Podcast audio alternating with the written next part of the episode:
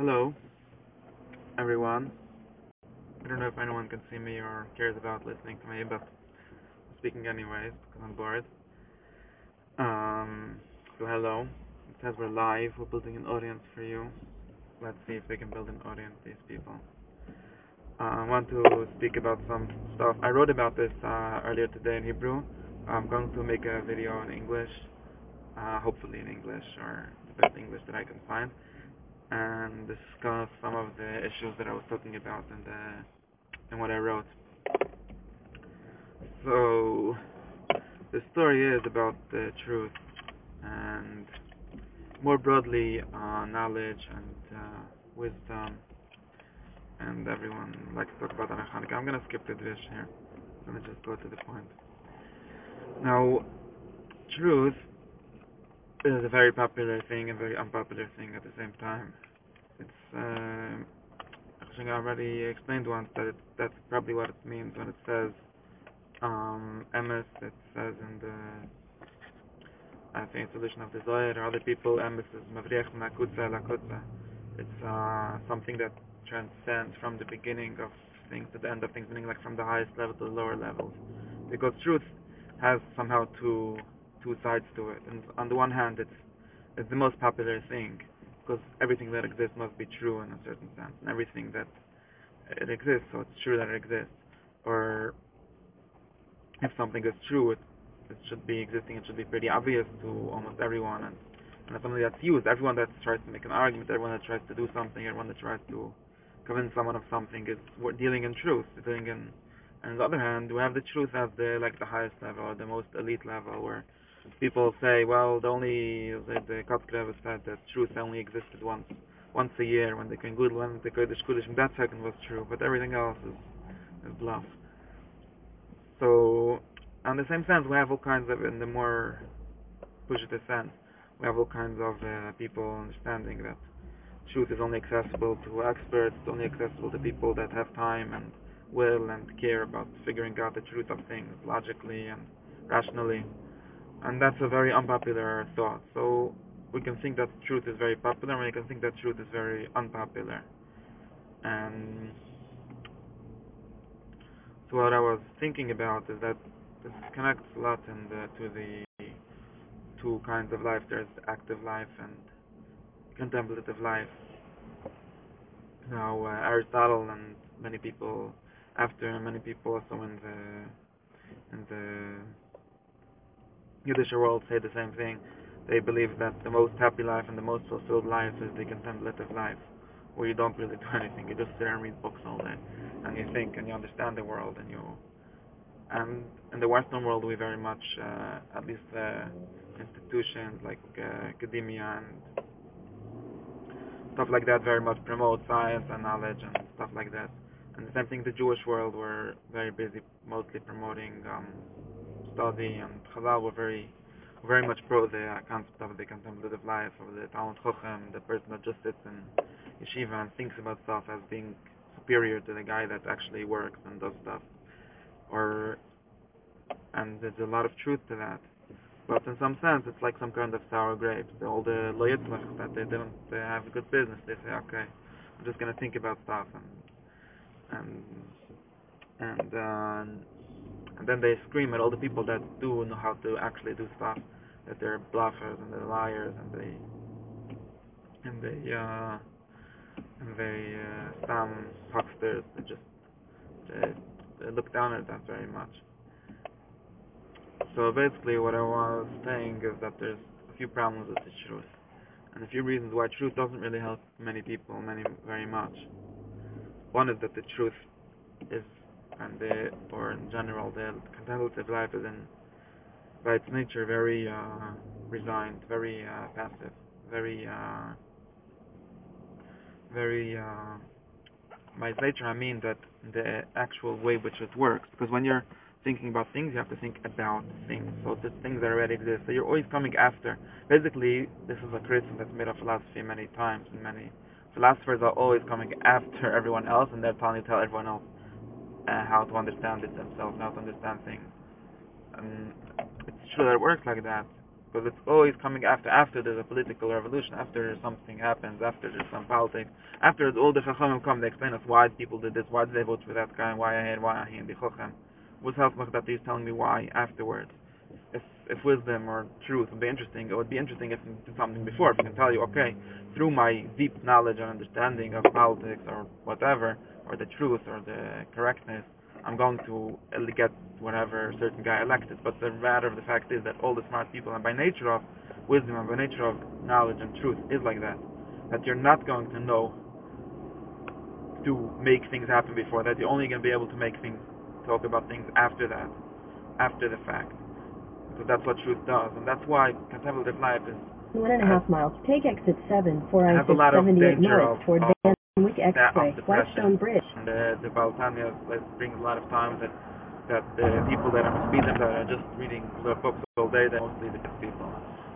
And even if you're not depressed, really, I don't think necessarily means you're depressed, but you're in a very passive mode, very accepting mode of being, in a very, uh, you're coming after the fact. We can call it ucha, like, uh, always coming from behind, from after, after the fact. Um, and this is the problem with truth and with truth seeking. It's very much, uh, it can be very deliberate, very, very, uh, passive. And I can, we can give the same example. I was talking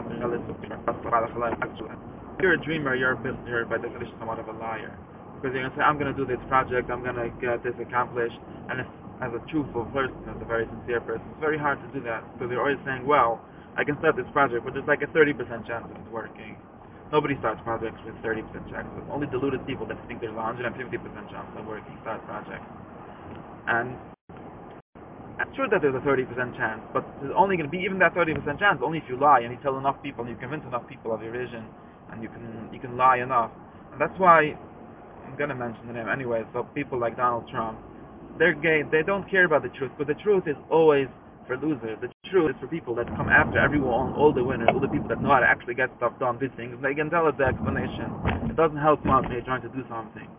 When now, how exactly our relationship with truth would be after that? Uh, In a quarter mile, take exit 7 for we shouldn't be I-678 north just toward Van Wyck uh, Express lying like a real salesman, just like say whatever lie you are. But it's a certain attitude that, in maybe in a more subtle sense, is the only attitude that gets anything done in the world. And I said that's why at the, when the world was created, Emes said that we should not create the world because Emes is Take exit 7. Emes is always in opposition to to creation, to creativity, and creation, actual creation In a is always mile, merge onto I-678 north. is always somewhat of a lie. It's always built on something that does not exist. Sheker analytic line. It does not have what to base on itself for. And when someone says, I'm going to win, I'm going to create something, I'm going to create a world, it doesn't exist yet, he is lying. Because his words, they're not connected to anything in reality. They're connected to maybe the reality in his dream or in his brain. But that's basically what false thought is. What Sheker is when you're saying something that's connected only to your mind and not to your, not to the, to the reality that doesn't correspond to any outside reality. That's what, that's what lying is about. Continue on I-678 north for 5 miles. Five miles. So basically, so my speech is that maybe if we can connect that to whatever. The problem with wisdom, the problem with knowledge is that it's very depressing and it's very passive, and it's always after the fact. And this is a real problem. I don't know the solution. I'm still, after all these speeches, I'm the more contemplative person. I'm more back person that takes a step back and asks, well, with the validity, does it actually work? Does it not work? And I maybe won't be able to do any major projects in my life because of that, or maybe I'll learn to fly better. But so in general, I can think, I maybe I'm not explaining correctly. We can take it a little more. Using words are, in general, uh, most words, most speech is not there to reveal something. It's there to create something. Um, or that's the difference between rhetoric and maybe searching for knowledge or searching for truth. When someone is searching for truth, then yes, in a sense, if you go to a lecture and they're going to tell you, trying to that, not that those words are trying to reveal. They're trying to be revelatory. That's uh, that that that would be the truthful word. That would be the search for truth. But if you're a politician, if you're trying to get something done, then your words are trying to create. They're trying to affect something, and you're going to use whichever words work to affect that. If you want them to vote for you, the, your job is not tell the truth. Your job is to convince. Now, yes, maybe convincing should be based on truth facts.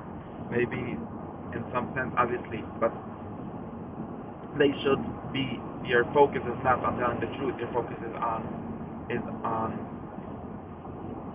on getting the guy to vote for you. And you you have to use rhetoric. You use whatever you're going to use. You're going to use whichever tools that you possibly could. And people like Trump, they very much uh, exemplify that they have they don't care for anything else. They're actually good at winning, at getting the using their words to affect reality. They're changing the reality. They're not telling the truth about reality. They're making a new truth. And after he's going to promise a thousand things, or five of them are going to happen, and those things will become true. Every promise is a is like a check for truth. It's like a head check. Um, a promise literally means a promise literally means I will try. I I take a check, a head check on the truth. I'm, it's what I'm saying is not true now, but it will be true in the future. Well, do you know the future? Don't know the future. So it's basically a lie. But it's a, a lie that we give you credit for. Some people have credit, some people don't have credit. But the basic concept of getting anything done is very much in opposition to the attitude of truth and the attitude of seeking truth. And I think we have to recognize that even as contemplative people, that if we want to get anything done, I, will give a few simple examples just that I can that I can at least identify with. Muslim, you wake up in the morning, someone asks you, how are you, how do you feel today? So my true answer usually is, I don't know. You give me like 20 minutes, I'll sit down, I'll meditate, I'll think, I'll answer you what, how I'm feeling. How can I tell you how I'm feeling? I have no clue. I'm really feeling anything yet. I can try to figure out what I'm feeling, I'll tell you. But maybe if you have time and you have, usually have time to about that every morning, it's a good thing. But if you don't, then you're not in that situation. What you should do is say, yes, I'm feeling great, I'm looking forward to get a lot accomplished today. And that way you will get accomplished. Not as much as you lied in the morning and said, like a third of that, but it's better than saying the truth and having nothing in that. So the truth has to be used, and, and when we use words, we have to know the difference. Are we trying to reveal something or are we trying to create something? And that's, uh, like, let's think, yeah, the Kaskrevet edition of the Alam. It's all nothing said in the Torah, and the, and the uh, what's his name? The Baltani says that that that Rav Shimon was wondering Mani Lechayil Mavu because he said it's true that I learn Torah all day and all night, but I just do that because I like it. Uh, just like uh, he said, just like some goyim, they learn Torah all day and whatever, they study all day and all night. Doesn't make them tzaddikim. And true, and Marx, a lot of people have this this this uh, criticism of philosophers that they're always coming after the fact. And there's not, I don't know if there's a good solution. I think that contemplative life has a value in itself. The coming after and be able to understand, be able to sit down and but I'm giving it a fakir situation now, how the where the problem is, where the like the issue is with that. And uh, I think I wrote something else about it. Now the second the other thing is that uh, yeah, so you don't get anything done and it's uh, depressing and what else did I write about? I don't remember. Oh, so the one one very good line that I read somewhere on the internet uh, that very much helped me to frame this whole thing is that there's two ways of reading the world. There's a way one some people look at the world as a puzzle, and some people look at it as a game. Um, I think I'm one of the people that look at it as a puzzle. I'm most interested in, in understanding how it works, how those things fit, fit together, how how can we figure it out? But the people that actually get stuff done usually are the people that are less depressed. They look at the world as a game. And the game means that there's tools in the world that have to be used in a certain way. They have a certain uh, point, a certain goal. And there's different ways of winning the game. There's different games to play maybe. But they but they don't see it as a puzzle. Their their main goal in life, their main drive in life is not to figure things out. Their main goal in life is to is to win, is to get somewhere. And like someone told me uh, that that she was always try to thought that she's to figure out things that the world must be rational. She's to figure out how it works, and then she's to figure. But someday she figured out that the world is not rational. No matter how many much money she puts into her bank account, there's never enough. It's not rational. Well, you just have to figure out how how to actually play the game rather than how to and how it actually works. And probably the true solution is to have some of both or some kind of balance. And uh, I'm going to just say something about Hanukkah. So we discussed about Hanukkah, that Hanukkah there's there was, or even the story of Hanukkah, there was the winning the game, like the winning the war, which is related to Simcha, to we see in the Paskin. But this, if there would be Simcha, it would be Hanukkah would be related to the winning the war, or the rebuilding, to getting stuff done. And there's other In a part quarter mile, keep right at the fork to stay on I-678 north. Second. Follow signs for Whitestone Bridge, Bronx. There's another part which gets called light, which gets called, which Hanukkah is not about them. That's more about uh, about uh, contemplation. And contemplation is actually not Keep right at the fork to stay on I-678 north. about the contemplative kind of uh, existence.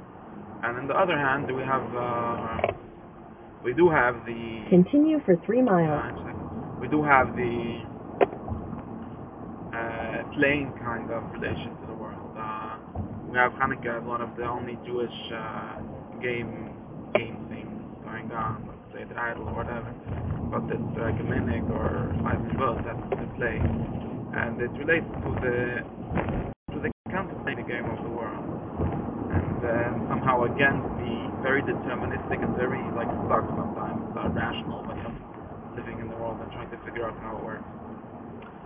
Showing the fine um, so basically that's what I wanted to say and I wanted to say is that besides for using words to reveal to reveal what really exists, there's a way to use words to create things that don't exist yet.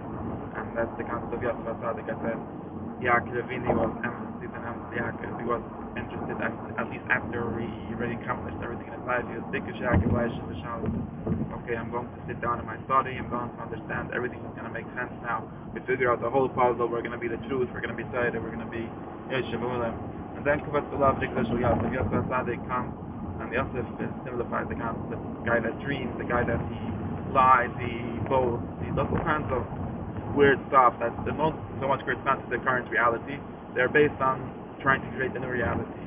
And the Yosef is position of a sort of like creating something that does not yet. Uh, adding, creation, uh, and bris, like uh, the Yisod, which is uh, also creating creating new things, creating lie, truth out of lies. There's a play, I forgot how it's called, that's about someone having uh, lying to someone that they're pregnant, that they're going to have a baby, and then she forces her her husband or whoever to have actually bib with her. Like the last line of that layer. So let's make the lie true.